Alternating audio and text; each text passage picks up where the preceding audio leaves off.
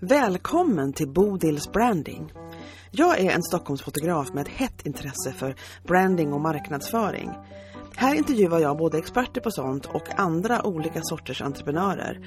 Några etablerade och andra helt färska. Meningen är att du som inte är expert ska kunna lära dig någonting som du kan ha nytta av och även spegla dig i andras berättelser. Jag är så glad att du är här och följer med mig på den här resan. Jag heter Bodil, jag är fotograf och brandingentusiast på upptäcktsfärd.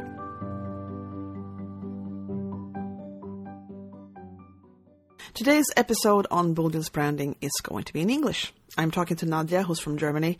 Uh, she's lived in many other places, but uh, right now she is living in Sweden. And she likes living in Sweden, so I think she'll be here for a while.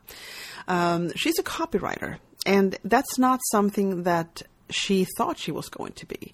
She tried to be a coach, she tried to be different things, she was a speaker, she did other things, but all along she actually actually was meant to be a copywriter.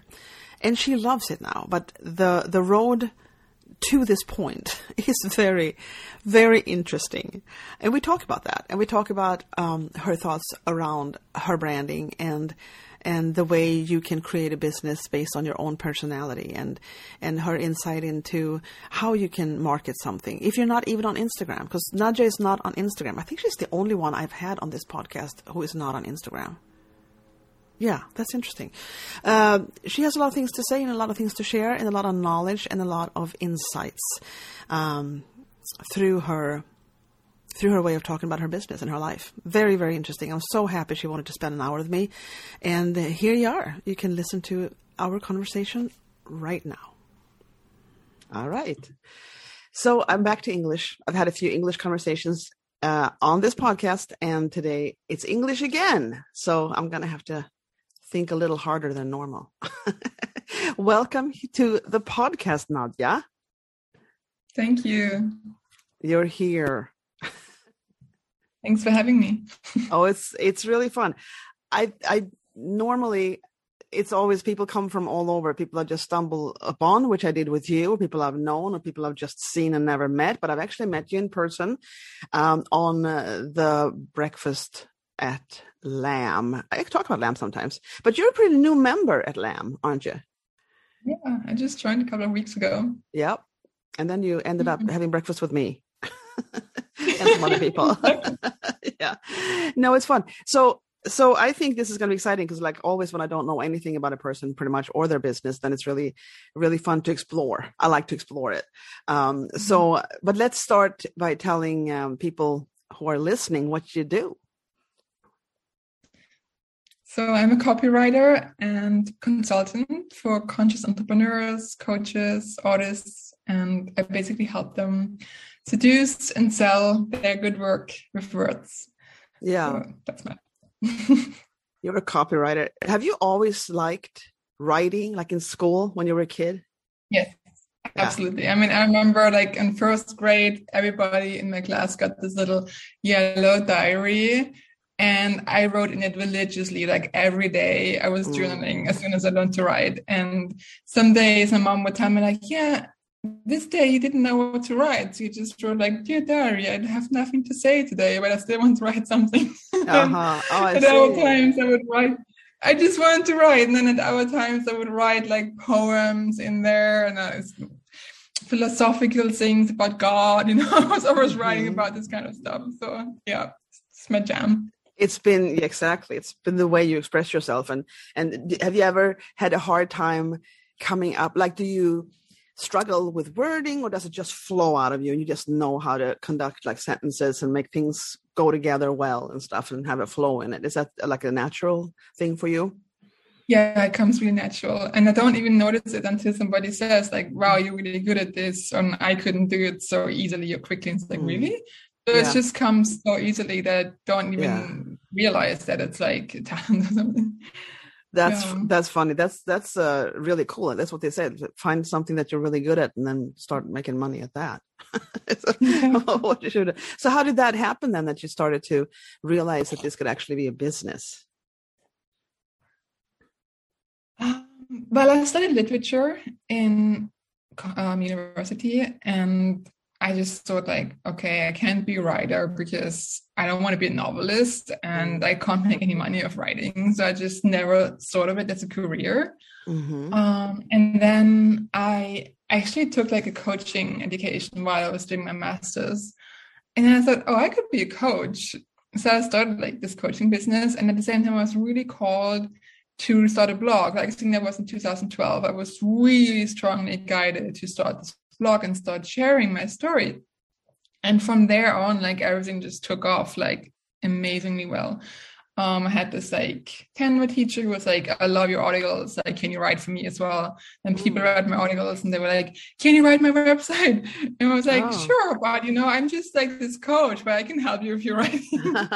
so wow. And then a friend asked me, like, do you want to write a book with me? And I was like, sure, but I can do that on the side because I'm a coach. so I had this idea that I was going to do this coaching thing to support myself with and that writing could just like be there somewhere on the side to support the whole coaching thing. Yeah. And i just never thought of myself as like the writer or the person who could actually have a writing business. Huh. i think it was maybe just like confidence thing or maybe just some kind of delusion that i saw that i should be like coaching slash teaching when i was really meant to be a writer obviously it seems like you were totally meant to be a mm. writer. It's like like that thing just sort of slapped you over the head saying like come on now. This is the business. This is the business you're supposed to be doing. But what, what strikes me as funny is that you thought that the coaching business would be something so sub, like safe and substantial because that's also a freelance gig that you have exactly. to sell and market. So why would that be any easier than the writing? I don't get that quite. Yeah. Well i think I just didn't think that copywriting would ever be anything for me. Like, because hmm. I used to be much more like hippie, kind of like alternative. And I just was really vehement against sales marketing. I didn't like that. I was like hmm. judging it. And so I had like this, I think just some kind of mental block or resistance around it. Mm-hmm. And I just could not ever imagine being like a salesperson because that's what copywriting is. It's like salesmanship yeah. of yeah. right so but i think as soon as i let go of that objection um things just started to flow and was like oh i can make a lot of money with writing copy yeah. and yeah. people love it okay this is a new thing so what made you let let go of the last sort of obstacle in your head that this was a way to go what what happened to make you mm-hmm. realize that well, yeah seriously i'm doing this it's actually, I think my soul has been knocking on that door for many times, it's been like pulling me, like, hey, let's go there. But I had like all this resistance. So mm-hmm. um, in 2016, my husband and I were living in New York City. And I was like doing all this coaching. I was speaking on stages. I had like so much fun. But then um, his um, startup that he was working for got acquired and they had to let go of a lot of people. So our visa was pulled. Mm-hmm. So we couldn't stay in New York anymore. It was wow. super traumatic. So within two weeks, we had to like basically leave the country. Wow. So what we did was like we went on the visa run, so at least we had an hour 90 days to sell our stuff, like mm. get rid of our furniture, you know, like and say goodbye to our friends. Um, but yeah, that, that was really tough. And then we just moved to Germany and hung out there. And then um, it was like this kind of really like crisis. I just fell into this depression and I just felt like, what mm. am I doing with my life? Because I couldn't do the coaching anymore. And yeah, it was just really like traumatizing. I look back at it. But it was also a huge opportunity because a lot of the old had to die. And there was like this, okay, like what's next, you know? And then at that time, I was first introduced to copywriting. And I was like seriously considering. As a profession, okay, you mean? Like you were yeah, introduced, yeah. I think I should be writing you know, and I was like looking into some jobs there in Germany if I should work as a writer, but that didn't work out. And then like all those copywriting books and courses that I was like looking into had this like kind of hyper masculine, like what felt like douchey to me and like overtly kind of almost like from 1950s, these kind of sales letters you had to copy. And I was like, I can't do this. It was really going against my values. And I was like, I just kind of, okay, no, this is not for me. And just threw it aside and just kept on trying to do the coaching thing, but it wasn't flowing anymore. It was, mm. there was no more like ease in it, you know? I just like kept pushing it for another year or two. And then we had moved to Berlin and I had met this shaman or medicine woman. Oh. who works with like different plant medicines from Africa and the Amazon and all that. And so my friend was like, she's amazing. Like, go to her. And I was like, okay, I'm going to do the ceremony with her. And this is going to help me to let go of all my like limitations and to break through with my coaching again. I'm just going to go big on this now. and then I went in there. That was my intention. And you know what happened? I mean, oh I literally could not even look at a coaching book anymore afterwards. really? Like, I'm done with this. Done it's like with I was so done. You know, it was almost like spirit finally got me to a place where I could really surrender and my mind like let go of this like clench that held this idea that I should be doing this and I could finally surrender to what I was meant to do. Hmm. So then within like a week, I had like all these books on copywriting and marketing, and like I was voraciously reading about business and sales. And I was suddenly I was really into these things. I was Hmm. fascinated by it, and there was no more resistance or judgment. It was just like, yeah, this is exciting. And then I found like a couple of copywriters, like women, who are really inspiring and fun to me, and who I was could see as role models. You know that I was Yeah. like looking up to and learn from. And from there on, I was just like, okay, this is it. This is what I'm going to do for the rest of my life. I love it. This is amazing. Wow. Thank you. That's so what what a story. Not everybody changes uh you know changes paths in life through going to a shaman. I mean that doesn't that's not that common, but that's so cool. Yeah, no, I Um, think it was- yeah. I was ready to pop, you know, and yeah, you, you needed you needed strong forces to leave the coaching the coaching uh, path. Oh my gosh. Wow. Yes. So how long ago was it? 2016 you said this happened around? That was no, we No. lived in New York City in Right. and then I think it was in 2018 or 19. I don't remember Mm. exactly, Mm. but then I was like doing the medicine, and then I also had like an operation on my leg, and I couldn't Oh, okay. like walk for a few weeks, and then I also went to Burning Man, so I had to wear like these super warm medical stockings in the heat, and I was like in the desert, and I had just uh, come out of this medicine journey, and everything was just for me like whoa. Oh my gosh. Wait, you got to back up a little bit. You went to Burning Man and you just Mhm. had surgery on your leg. yeah. So Yeah. that's that's not that's not a very common combination.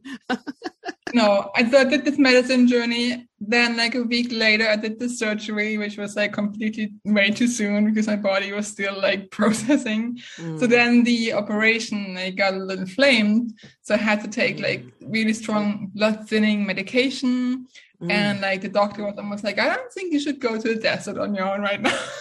Yeah. so it was just in the nick of time that the inflammation went down, so I could actually go on my trip but I was supposed to wear these like stockings, you know, like medical stockings um, that would go up to my upper thigh, and it was like 40 degrees Celsius Ah, in the desert, and the sun was Yeah. just burning, and I had to wear these plastic or polyester stockings every Oh. damn day, and it, like, you know, like the dust was like sticking in them, and I was sweating. I oh, honey. so, do you look back? the- So you so okay. So that means I am assuming that you are not afraid of challenge of physical challenges at all. You've been doing a lot of those. Have you been doing a lot of training, a lot of working out, things like yeah. So Yes. and things Yeah. yeah so do you think that that is um if you're not afraid of physical challenges and you kind of just get into it uh not afraid of feeling pain stuff Mhm. do you do you think that that transfers into mental strength to take challenges that are more mental or what do you think about that Hmm, that's a good question. Yeah, I think so. It's interesting because my personality is like I'm a Gemini in my astrological Mhm. signs. I have like really both. I'm on the one hand, I'm like super resilient and I'm constantly pushing myself to extremes. On the other hand, I'm yeah. like highly sensitive and I get easily overwhelmed by like everything. oh interesting wow that is Yeah. gemini definitely Mhm. so so i guess there's two sides to and a lot of sides to every pe- person really but that means we i think we talked about that over breakfast too that you did start your business sort of like when the pandemic started which a lot of people did like this copyright business so Yeah. w- what did you have because when you were doing the coaching i'm thinking you you also must have known that you had to market you had to brand build the brand and, and market yourself as a coach so did Yeah. you did you do that did you have that kind of going in that business? Yes, so that was the blog. I mean, in 2012, oh, right. when I started that coaching I was really called to start writing this blog, and I love storytelling. So I was mm. just very openly sharing like my personal stories, and I was at the time in a part of a tantra community and an open relationship. Uh, what, uh, what community? Sorry, what community? Tantra. Okay. Tantra. Right. So it was like kind of sexuality, spirituality, like a lot of exploration. Oh, that's right. And I was also yeah. working with this coaching like if from that kind of angle like with relationships life coaching but always from like a spiritual perspective mm. and so i was really sharing very openly about my journey and all the trials and tribulations of mm. being in a relationship and being in this tantra school which was really out there like very crazy wisdom again like really taking me to my edge all the time but as I was sharing those stories, like people could really connect to it. You know, they, they really could feel me in it. They could be like, wow, Nadia is so raw and honest in her sharing and her storytelling. And I can really see myself in the stories that she's telling and the things that she's describing. And then people just felt like they already knew me and they could connect mm. to me. And I think that's yeah. what made them like want to work with me as a coach also. Yes, that makes sense completely. That's a lot of the the core of building a personal brand too is to be very and of course you can you can choose what you share but i mean it's very interesting that when you do get personal and share stories then that, that's when people can connect even though you've even though it seems very personal it's some it somehow gets um general like people can connect to things that are very personal or at least you know uh, enough people can can connect to it so exactly. that's an interesting feature i think of of sharing personal stories as a mm-hmm. brand tool you know it's a yeah, absolutely. Tool. Yeah, think, yeah. Mm-hmm, totally. I mean, the more the writers that I love and follow are the ones who are very personal and who share mm. a lot of personal quirky stories, mm. and that mm. makes me feel like connected to them, like I know them. And I yeah. think that's like in today's world where there's like so much like you know you can really hide behind the internet and behind the screen behind like mm. perfect facade but the people who are really authentic i think you can feel that you know you mm. can feel them and we all have like really strong bullshit detectors yeah. especially online so if somebody's really authentic and they really just show up what's in all i think we can feel that and we can really mm. connect with that i've been thinking a lot about that when it comes to what i want to share because I'm, I'm thinking um, part of a course right now for brand photographers with a woman in America who's really successful and she has a really good course I'm taking together with a bunch of other women. Um, and and then we have things like talk about brand story and to, to create a brand story and, and publish it and stuff. And and she says that that um, uh, parts of the building blocks of a brand story is almost like you know like movies are made. Like it's like a, the, the hero's journey and there's conflicts and there's like obstacles and you get through them and then you get past and so you should talk about that. And and the problem the problem with me was and I was thinking yeah no I've had like tragic things happen in my life but I don't know they just don't feel relevant anymore it's weird. It's like uh, you're supposed to share these things with obstacles and tragic events that you overcome. But I'm thinking, I just I get bored with it. I get bored with whatever happened 15 years ago for me, you mm-hmm. know. And I don't know exactly how to how to um how to use it or if I should even use it because I'm pretty happy go lucky right now, you know. Yeah. Do you want to hear what I think about that? Yes, I do. yeah, I think um, not everybody has to share this like victim overcoming story in their brand no. because if that's not authentic to you, then I don't think you should have to make that up. Um, there's just copywriter that I feel really inspired by. Her name is Laura Belgray, and she talks about that. Like, I didn't have any like sob story in my life or my business, you know, that I need to like.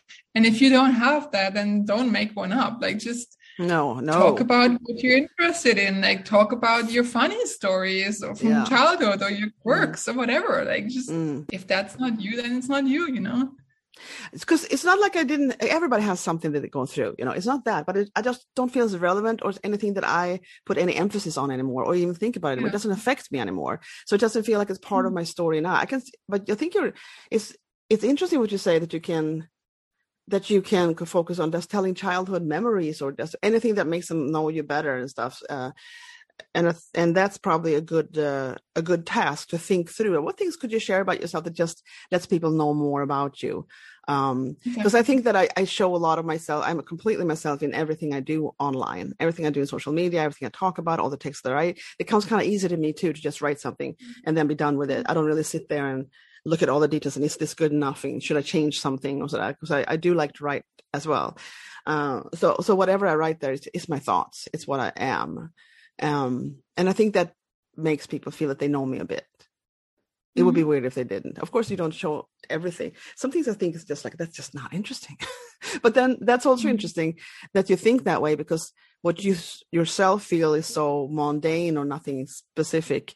Other people can love that stuff. Have you noticed Yeah. that? Absolutely. I mean, there are people who post YouTube videos of themselves eating, cleaning their apartment, and cooking soup, you know, and people watch that. True. Yes. So I think we're just really obsessed right. with each other and what we're doing. You I mean, that's why people watch Big Brother and reality TV and keeping Yeah. up the Kardashians, right? That's I think true. we're just really curious about each other and how we're human Yeah. beings and how we Yeah. live our lives. That's It true. doesn't have to be spectacular always. No. I think we should let up on let up on the demands on how spectacular we have to be. yes. it's true. I, I do get ideas sometimes like I should just stand here and pour up some coffee and talk about something a bit. And I have done that actually. And Yeah. it, w- it would be fun if we could inspire you and specifically you, inspire people to to know that just the regular stuff that we do, people are interested in that. Mhm. And it, it is sort of part of building um letting people know you a bit, you know, like just feeling like they know you, like they can hang out with you, you know. That's that's the thing. Yeah.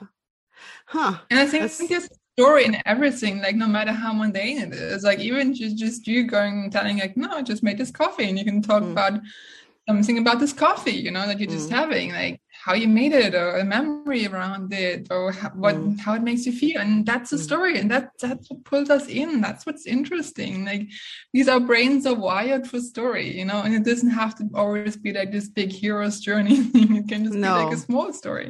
Yes, that's very inspiring to think about that. That because you're absolutely right. Everybody is interested. So I was actually part. That's been a long time. I just thought of this right now. I was part of a little group who we maybe at ten at the most, and not everybody came every time. And we would sit and read aloud, like read books aloud. Oh, Somebody would read, yeah, read per per not the whole book, but parts you really loved, and, and the others would just sit and listen, and you would read your thing Amazing.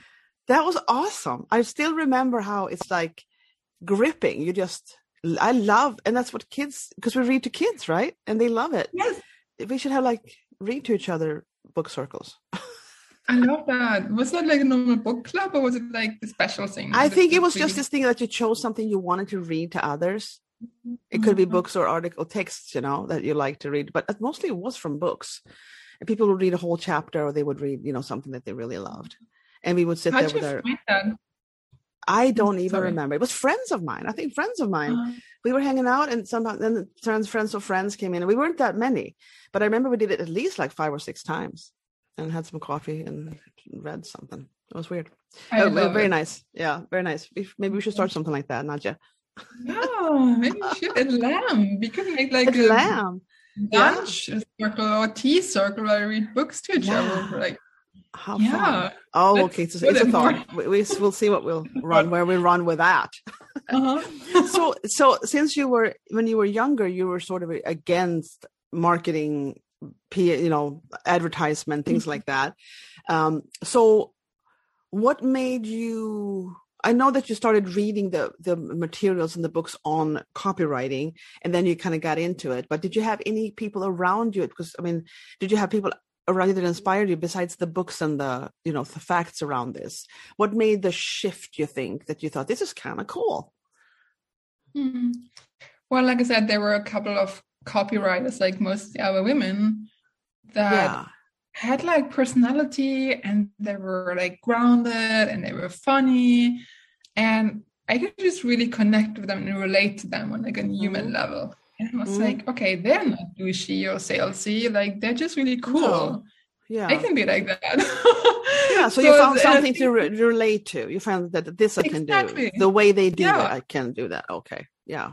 Exactly. Yeah. I think that's important. I think you have to find your your role model, things that kind of that you can respond to and feel like, yeah, this this way of doing this I can do. Because I think that people can get scared off from from pretty much anything if they just see somebody that isn't they're not doing it the way that that corresponds to your own personality and it feels like you're uh, you'd have to be you'd have to be someone else to go about it that way uh, you know? And because there are many different ways of running businesses of of, of leading staff of uh, you know marketing a business and th- there are different ways of doing this based on your personality traits i think and you just have to find your way and i think people some people get scared off because they have met or seen uh, others doing it in something that they can't it doesn't it doesn't feel like them or something they could do which which makes them not do it at all which is a problem i think well too bad you know yeah. Hmm. I heard that the other day, like when people hearing people, other entrepreneurs talk more and more about creating a business that's aligned with their personality. Yeah. And I was like, yeah, of course. Like, why would you like force yourself to write like, I don't know, three emails a week if that's not really you? Maybe yeah. you just write one a month or something.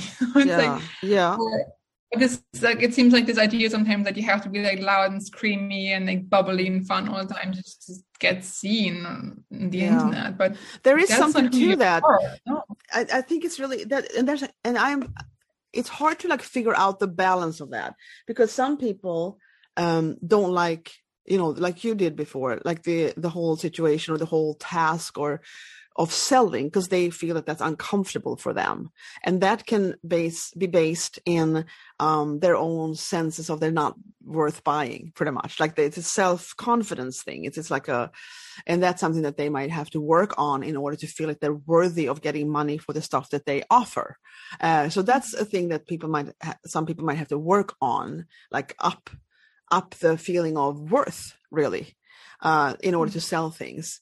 Um, so because you cannot just do make your things or or put together your services and never talk about it because you have no. to you have to talk about your business to have a business you know yes. you you have to and and then so sometimes i think obstacles can be challenges that you are meant to work on you're meant to develop this in yourself if you want mm-hmm. to make money if you want to have money through this through this way um, then then some people have things to really work on, and uh, we all do in, in some way.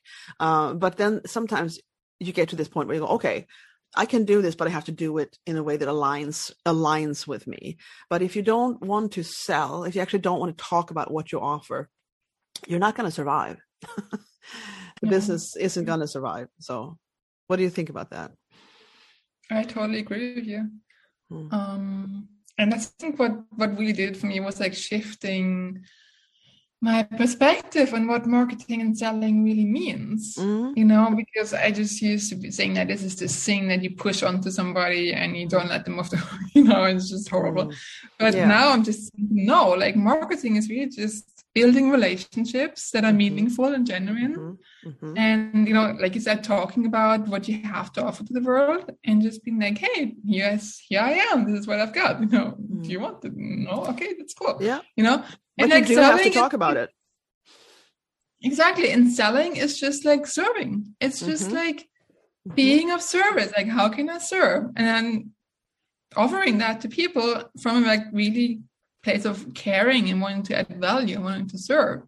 Mm. And when I understood that, like that took away all the guilt for me and yeah. the shame and all the weirdness, you know. Yeah. And now I feel like super unapologetic about it. And it's just like, mm. here's what I got you know you want it great if not okay that's yeah, fine too yeah yeah and exactly and that's that's how it is and i remember in the very beginning because i've been a photographer about like um, full time uh, almost 10 years now and uh, i remember in the beginning it's always hard to like set your prices and stand by your prices and ask people for money and and uh, and i had to like grow in that area uh, a little bit and and or quite a bit actually and but i had some help and i had some mentors and stuff that I, you know eventually helped me along the way in different in different points on the way. Um but i remember thinking that uh it was hard to if you if somebody did buy a lot, then I would ha- I felt like I had to give them more stuff as a thank you for spending money with me, you know, like that. And the the no, everything costs money. And also in the beginning, I would feel that if somebody would uh, inquire, because in the beginning now I do brand photography, but I always before that I always did families and babies and and that that kind of photography. And if somebody would come to me and um, uh, just inqu- inquiry, ask ask about booking a session, and I would answer the questions and everything, and then they wouldn't book then I would take that like personal or like oh my gosh i lost the sale. I lost that money that could have come in.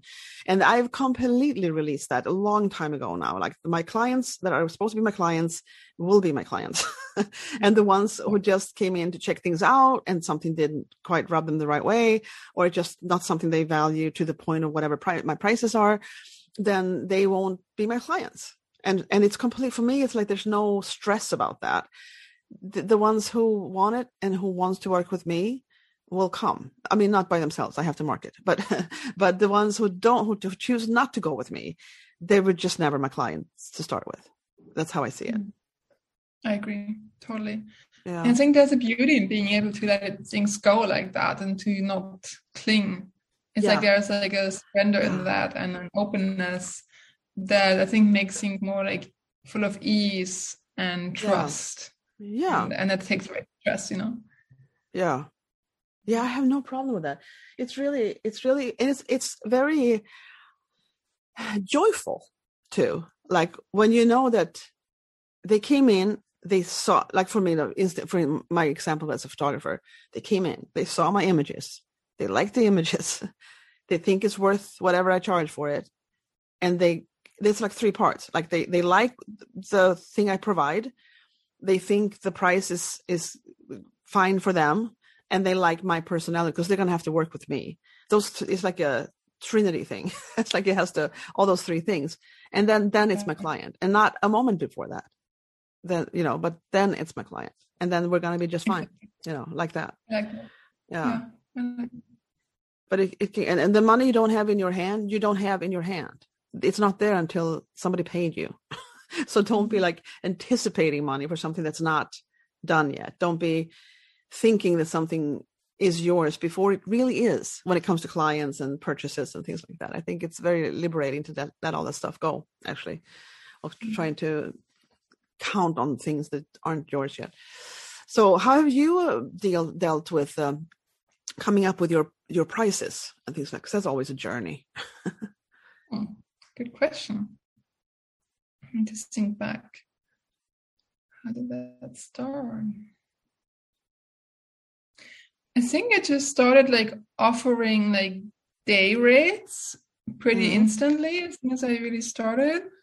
Day rates. Like yes, and I also sold packages. And I remember oh. like the day rates I just started with, I don't know, thousand euros for a day or something. Because business consulting, copy coaching and that just felt like that landed that felt right mm-hmm. and then i mm-hmm. just gradually increased it every maybe six months or so um, as my competency grew and people got results and i felt more confident to raise it um, then i also have like packages like for like a website or launch and that mm. includes like several mm. you know items of copy and then i just I think I also started with a set price and then I think I also raised that.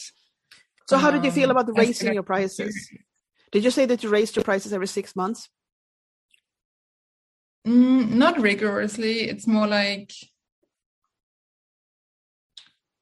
it can also be like every year. Like it yeah. really depends. Like I think okay. the last time I raised the day rates was like about a year ago. So uh-huh. now I uh-huh. just raised it again um, a year later. So it's more like for me, it's like very intuitive. Like I gave like mm. really powerful power hour to a client. Um, I think it was in February, where I was like, "Wow, that was so valuable. Mm. I should have charged more for that because she got so much value in that hour for her business that can serve her for years to come. Mm-hmm. It's time to raise it." And then I just felt in my body like, "Yes, this is like a yes," you know, and then I can own it Mm. And I feel like there's no wobbliness around it. Yep. Very, very And then if people would ever, and people never really question it. But if mm. they would, then they'd be like, okay, then it's not for you. I don't, I wouldn't yeah. start to get wobbly about it, you know? No. Because I feel like I can feel it in my body. It feels right. I can own it. And then this is what it is, you know? Very interesting because I remember when I started this branding business because I had no problems with the prices in the baby business that I was in. I, am still actually I still do newborns. Um, then I remember because there weren't that many other people that did this. It's not that many brand photographers or rather niche down on that. Um, and I started with something just to have prices. I put the prices on the website like immediately, just to, so people could go in, understand this is what it's going to cost me, and get all the info. And there's there's different ways of doing that too. Some people have a gateway, so you have to give your mail address in order to get prices. That works fine too. But I just thought this is what it costs. It's out there. And then I encountered some people that said to me on LinkedIn said that no, this is way too cheap. You have to raise your prices. And and I had a very and I had a resistance for that. It was weird. I had an emotional resistance like crazy. Um, not that I didn't want to make more money. I mean, you know, you can always use that for many good things. But I just but I did. I did. I took to heart what they said. It was sort of a new area for me to work with businesses that buy images as opposed to families with babies. Uh, so I did raise them, and and I remember it was the weirdest thing because I'm, I'm I'm not I don't have a problem usually just saying what things cost and how to stand by it, but I just this thing was a resistance for me. But I upped them twice, um, and now they feel good. There's I know there's another photographer that's been doing that, that costs more than me, and I don't and I just don't really care about that at this point because what you said, I want to feel in my body, like in myself, that this feels good for me right now but I remember I did the one a package um, the first time. It's like a yearly subscription. You do four shoots, and and I and I felt very quickly after I started those. I felt very quickly this is too cheap. You know, I just felt it that this is just mm-hmm. not enough money for this work. Um, and and it, I think that's the I like going about it that way when I do get those feelings. But I remember when I sent out somebody um, asked me about my prices just after I had raised the last time, and I raised quite a bit the last time. Like I didn't just do a little few percent. I just, I mean, I one package I just doubled the price on, and I had yeah. others that had to be like logical with that, so I had to follow. So, and um, and I remember having a hard time, like almost sleeping when I had sent off the new prices to somebody who asked me. So there can be a lot of emotional resistance, which has to do with are people actually willing to pay this? Like, what did I lose? But then this woman I take the course for said, you have to raise your prices according to like you know more you can offer. It's just for whatever reason you can you can actually raise your prices, and you will lose some clients. You will lose some old clients that think this is out of my price range but you will there will be others who think this mm-hmm. is just fine. And yeah. you have to just feel that this is the price i want for the service that i offer. Um, and it, it's based first of all it's based in math. What kind of costs do i have? How, how much do i want to earn? Uh, what are my costs of living and how do i want to live? I mean all of these things can have to come in like a math problem almost. Um, but then and whatever and pretty much this is something I really believe in, but I have experienced having a hard time applying it. but I do believe that there are clients for every price level. Yep. Really. Absolutely. You just have to have the guts to land on something and believe that they will. There will be people who won't raise an eyebrow, and other people will say, This is way out of my league. It's just different. Yeah. Hmm. I mean, I remember this story that somebody that I read in the book somewhere um, about this guy who went to this hamburger restaurant somewhere on a beach in some paradise hotel, whatever. And you know, there were like a bunch of different burgers and different price ranges in the menu. Mm-hmm. And one stood out, it was like a thousand dollar burger or something. it was oh. like mega fancy with truffles and whatnot. Yeah. And so this guy was asking like the waiter, does anybody ever order like the thousand dollar burger? Mm-hmm. And the waiter was like, um, not a lot, but it happens maybe once a year somebody comes mm-hmm. along and they pay mm-hmm. like a thousand bucks for this burger because they want something really special and they have the mm-hmm. money to spend on yeah. it so yeah. go, go for it so absolutely yeah. yeah exactly and and some people just yeah there's there are people for every price level and i think also it's it's not bad there's also a classic sales thing to have a high uh, price item that's there. So you can you can buy it. And it does include things that makes it worth the price. But for most people that's not the thing. I'll take the one un- under the, the step the level under that in price range which is a very common way to think. Um, yes. but then they say somebody said a long time ago i listened to photographers about business and they said as soon as somebody buys your highest package you have to raise the prices again like yeah. it's there to make to make the it caps off the prices and you have to up it if somebody wants to buy it. Yeah. I think it's also like this thing called anchoring right? When you have like a high thing at a high price point and you mm-hmm. put something like lower next to it it's immediately mm-hmm. perceived as a bargain one of the lower yes well it is so. yeah, yeah, true too it's interesting the psychology of pricing but i think the most interest the most interesting part about psychology of pricing is the way uh, the ones who offer the services or products how it resonates with their sense of worth that you have mm-hmm. to make you have to feel that yeah no it's worth this i know i can offer you something that's worth this money um, and that they're worth charging that money because there's a lot of incredibly talented people out there who just don't know how to feel that they're worth getting paid you know mm. yeah and I, that's tragic i think yeah i think that's honestly i think that's probably something from childhood because i think in in mm. essence to some degree we all have that like unworthiness feeling somewhere buried inside of us mm. and for some it's more you know predominant for others less so but i think it comes out in different ways even mm. relationships mm. or around mm. business money and and when we have that like i'm not enough or i'm not worried then we'll have this either experiencing problems with charging and making money or yep. we're not going to find ourselves worried in relationships and i think it's like that's a toxic core belief that we have formed somewhere around the age of whatever three or 4 mm-hmm. when we felt like somehow our needs weren't met as children and then we internalize that and it just kind of keeps playing out in the whole time in our lives until we really see it for what it is and we mm. address mm. it and change it yeah that's really where the inner work comes in Yes. So like you say, it's a lot about psychology. It is a lot so about psychology. Ways. Yes, it is. And a lot of I also heard very common that people who have businesses and want and need to market and need to be consistent and need to market. You know, we have to be out there talk about a business all the time in different ways and our, about ourselves. Uh, that they feel that they're taking up too much focus that they're mm-hmm. taking up too much space in the world and that's very common too and and but that's something you can work on so it's fun but let me ask you something else uh, what are your processes how do you market yourself as a copywriter what do you do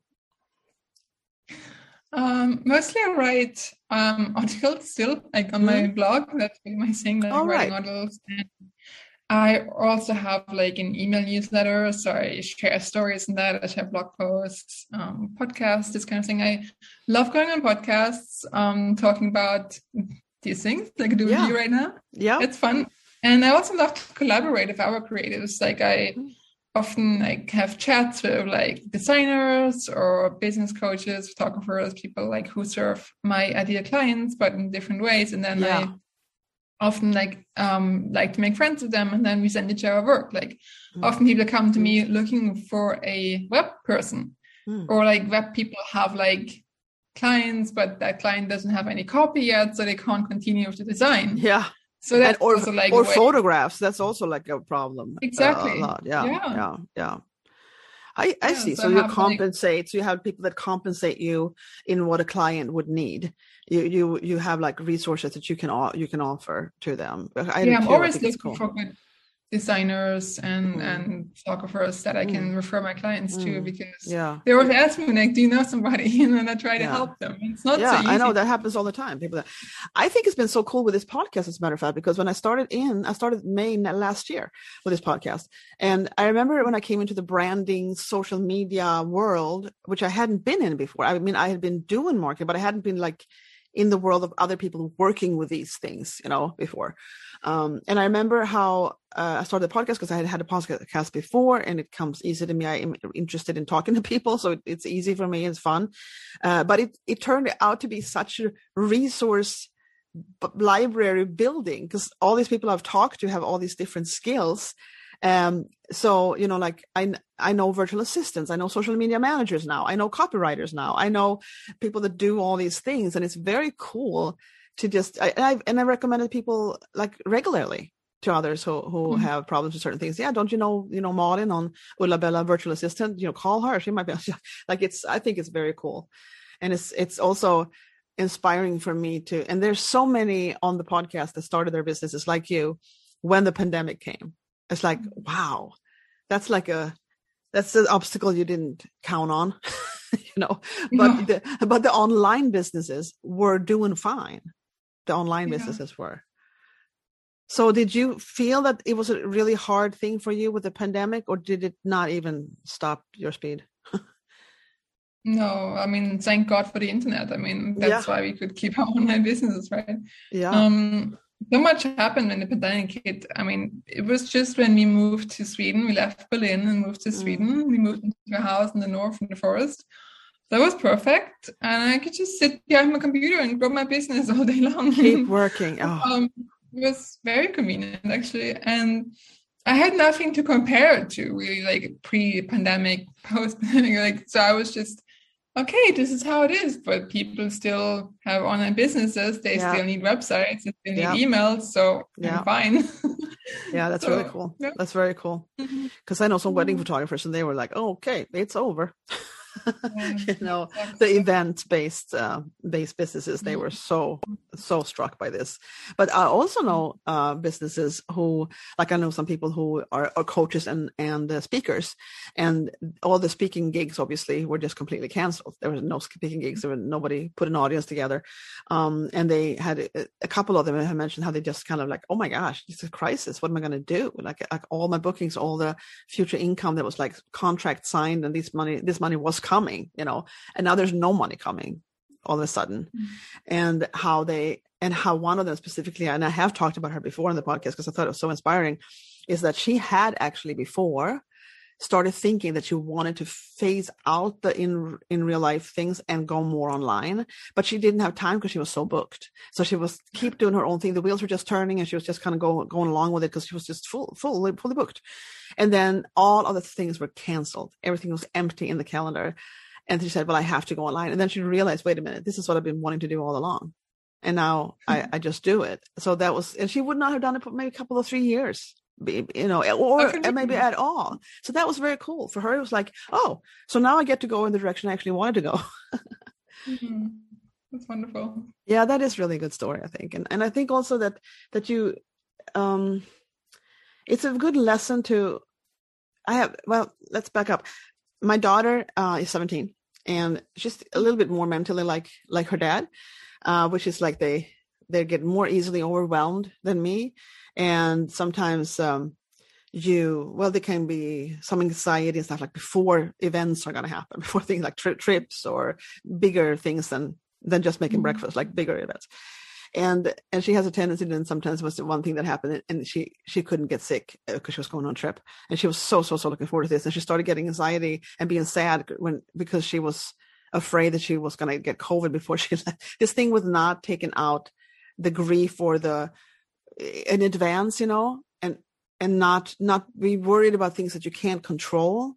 That's something mm-hmm. that I've really like honed that uh, skill to only do what's what the next best step is that you can control when things hit you you know when you have obstacles or or things coming in a way that that is like disturbing the path then i then i'm very like focused on what can i control and those things i will do but things i can't control that is in other people's like like yard.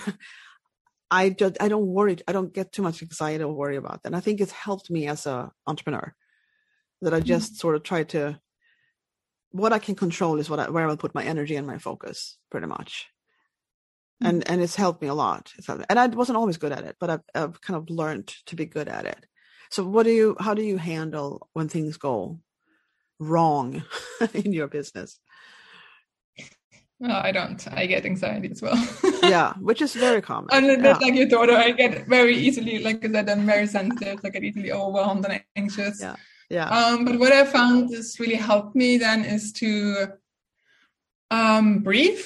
Like yep. really just like breathing techniques and like really just regulate my nervous system because yeah. um yeah i've been feeling like really anxious like the whole last year but for other reasons yeah. out of my business but I just learned like a lot of like regulation techniques to soothe, soothe myself, soothe mm-hmm. myself. That's very good. And and then also I think just like surrender to a higher power, you know, just yeah. pray and oh. be like, come back to how can I serve? Because yeah. that's that's what it's really all about. And then in my experience, I mean, I've done this for like good two years now. And looking back, I think I just had enough experience now to see that it always works out. Like even mm. if I haven't booked anything like for a month i could go into panic mode but i know now that it's not a problem because new work always comes in or money comes in all the time mm. and mm. there's nothing to fear ultimately because mm. like it's worth taking care of somehow mm. or it's worked mm. out no, i think i've developed trust over time and mm. feeling like I'm safe. It's okay. It's Mm. always going to work out. Mm. Yeah. That- and some people are going to say, she's crazy. Nothing works out all the time. but I think that I've I've sort of started to feel that way too. Like because I don't have six months ahead of me booked, but I have like maybe one month. But then you know there's and there's the next month after that I only have a few. But they always it always fills in, and I think that it doesn't do it automatically. But if you are, eh, this is what I believe. If you are active, if you do network, if you do meet people, if you do talk about your business, if you if you it's like a it's a constant constant marketing really. But it's only being yourself and talk about what you are passionate about really.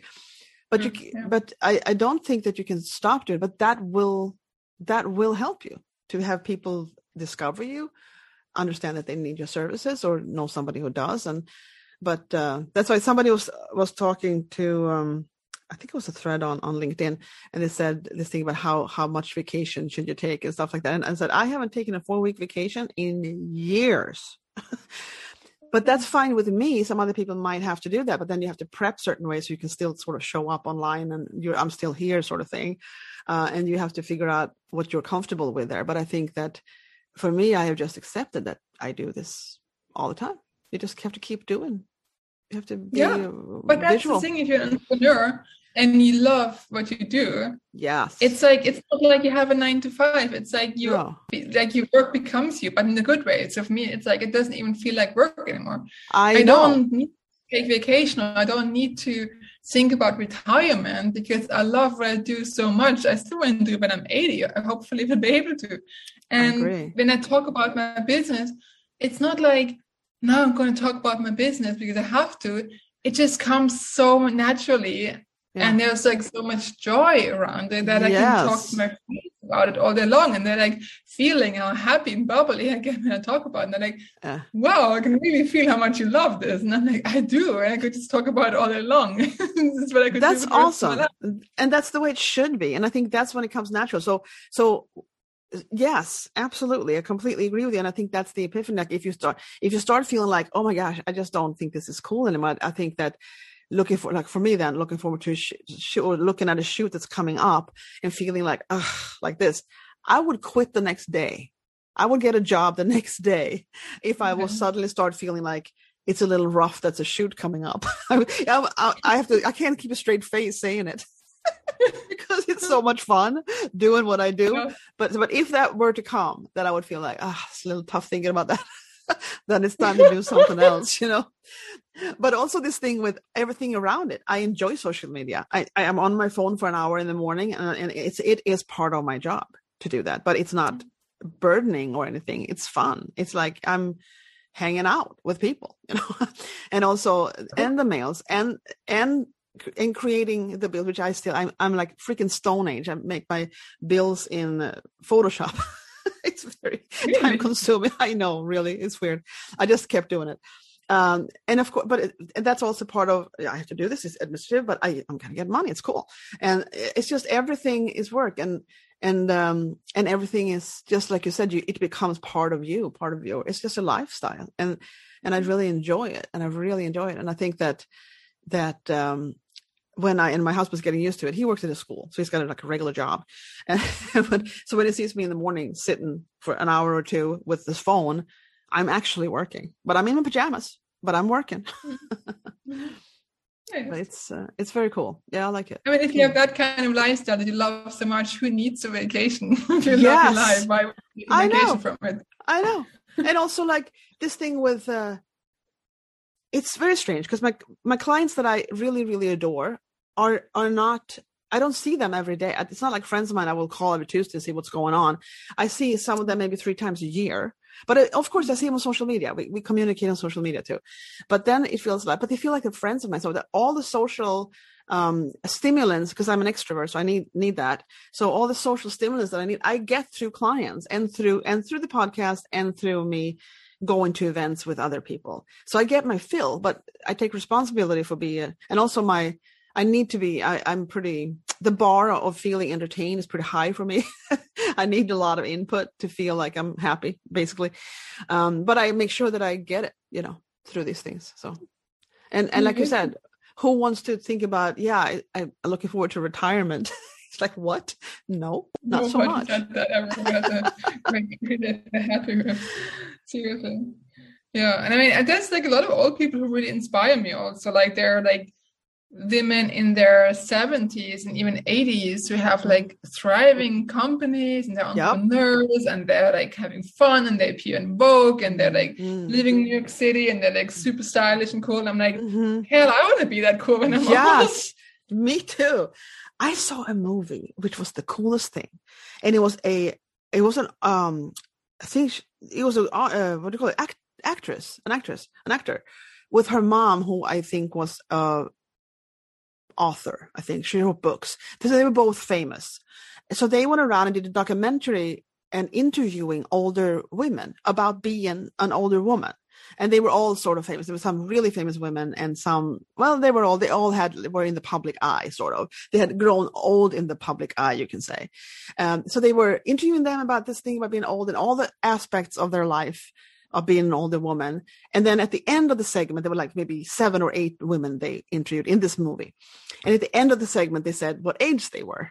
You know, like it's 87 or 72 or whatever it was, you know. Then the next woman came on at the end of that segment, that age came on. So you didn't know how old they were until the very end of the segment.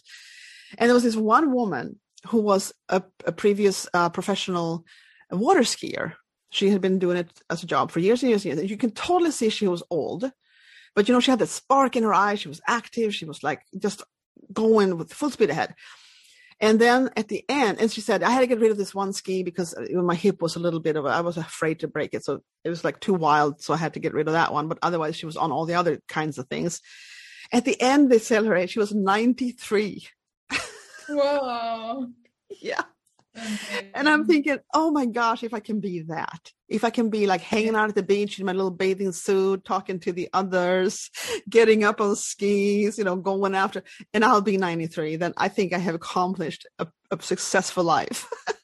yes. Yes. 100%. I love this. very, very cool. I love it too. I thought it was very, very, very inspiring. Very inspiring. Where did and, you watch um, that? Hmm? Where did you see that? Oh, when did I see it? Or what was it? The movie? Or Where did you find it? Where? I think it was a? Netflix. I think it was a Netflix movie a while back, like a year ago. I saw it probably about a year ago. Yeah, I'll see if I can find it. It's probably out there somewhere. see if I can link it. Yeah. Yeah. So you, so now you have come into your your your your right spot in life to be a copywriter. is there is there other other developments that you're looking forward to? Because now you're only you're only two years in, so you can do this for a long time, the same thing pretty much, uh, and be a happy camper. But do you have anything you want to add on, or anything else that you dream about achieving, or anything like that? Well, I wrote this book with a friend, like um, after we got kicked out of New York, and it still hasn't gotten published because, Mm. well, life got in the way. So I still want to publish that. It's probably going Mhm. to get self-published um, on Amazon, but that's definitely like a project I have lying there in the background that I want to get Good. at some point. And then I think I just want to, mm, I want to do more public speaking. I really enjoy talking about things, and I love being on stage. I have this thing that I can really share stories and engage an audience. And I've done that in New York where I was talking about orgasms and women's parties and stuff like that. Oh, And nice. women loved it. They were so into it, you know, and I always Oh, come yeah. alive and I'm on stage talking about things. So I think I want to, like, when the world opens up again a little bit more, I think I want to do more traveling and public speaking and being on stages Uh-huh. talking about copywriting and branding and stuff like that. Cool. Then you should start talking a lot about that. That's what you want to do, and then people will hear it. And they, the first things I thought about, you know, there's a couple on Lamb that does this. Uh, I forget what this. They're they're they have a an event coming up. It's about dating, about better dating, something like that. Uh, better relationships with men or with yourself, basically, is what it's about. But it's a one. It's one psychologist and another coach. And I just met them on another another event the other other night. They're very nice, and they they have a thing coming up. You're sort of in their area with the thing with the the woman body and stuff like that. You should talk to them. You should get in touch with them and see if you can do something together. Yeah, just tell me the names later and I will. I will out to them. totally do that. Yeah, then we'll see what we can drum up mm-hmm. because they're very new at their business idea too, but they they started, so Okay. that could be something cool. Yeah, I Well- think I also want to do some do some talks at Lamb actually. Maybe do like Yeah. a series of Yeah. copywriting slash storytelling events there, and like Yes. just do it, get some practice, and and just see what people want to hear and and talk about that. Copywriting, I don't think they've had anything about that yet, so that would be kind of cool to do that. Yeah. well, well, thank you so much. It's been an hour, and I'm trying to limit myself at the, this podcast, even though I feel like I could talk to you forever. But uh, let's um, let's say goodbye to the listeners. Thank you so much for wanting to meet me here today for an hour. Thank you. Thanks for having me. It's been really nice. And um, yeah, if anybody wants to, hmm? go ahead. Anybody wants to connect with me, they can just say go to my website nadiaeriksson.com and I also have like a lovely freebie. Um, that's like five steps to writing your own website copy. Perfect. People can download that and get some free guidance. That's Stay great. connected well, and hear lots of stories. Yeah, we're going to link your website and everything you want to link. We'll put in the text that goes with the episode so they can easily get mm-hmm. hold of that. So that'll be good. Mm. All right, then. Well, thank you so much, and we'll say goodbye to the listeners. Bye. Thank you. Bye. yep. So that was my conversation with Nadia, and I just loved it. Uh, there were so many things I didn't know, obviously, since I didn't know her, and I just I'm just impressed with the way she pulled through in the desert with that medical stocking, and I'm impressed with the way that she kind of worked through the I don't know what that was the the mental block of doing what she was actually so skilled, naturally skilled to do, to write and how she loves stories and how she has now ended up in a business that where she can use, use all of that natural skill. I think it's very very interesting, and I'm really happy that she that she ended up there after after all the other time. But you know how it is. We all get we all get formed by the experiences we have, and they're not wrong. They're just part of the path forward, really. Uh, so thank you so much, Nadia, for the hour you spent with me. And uh, look her up. Check her out at her homepage. Everything is on there. I'm going to link it in the text that goes with this episode. So also, you can find me. I'm a brand photographer. I am online, obviously, uh, on brandingu.se. And on Instagram, you can find me at brandingu.stockholm. And every Saturday, if yeah, if everything goes okay. I have a new episode, a new interview here on the podcast, Bodil's Branding. Um, I hope I'll see you somewhere soon. Bye.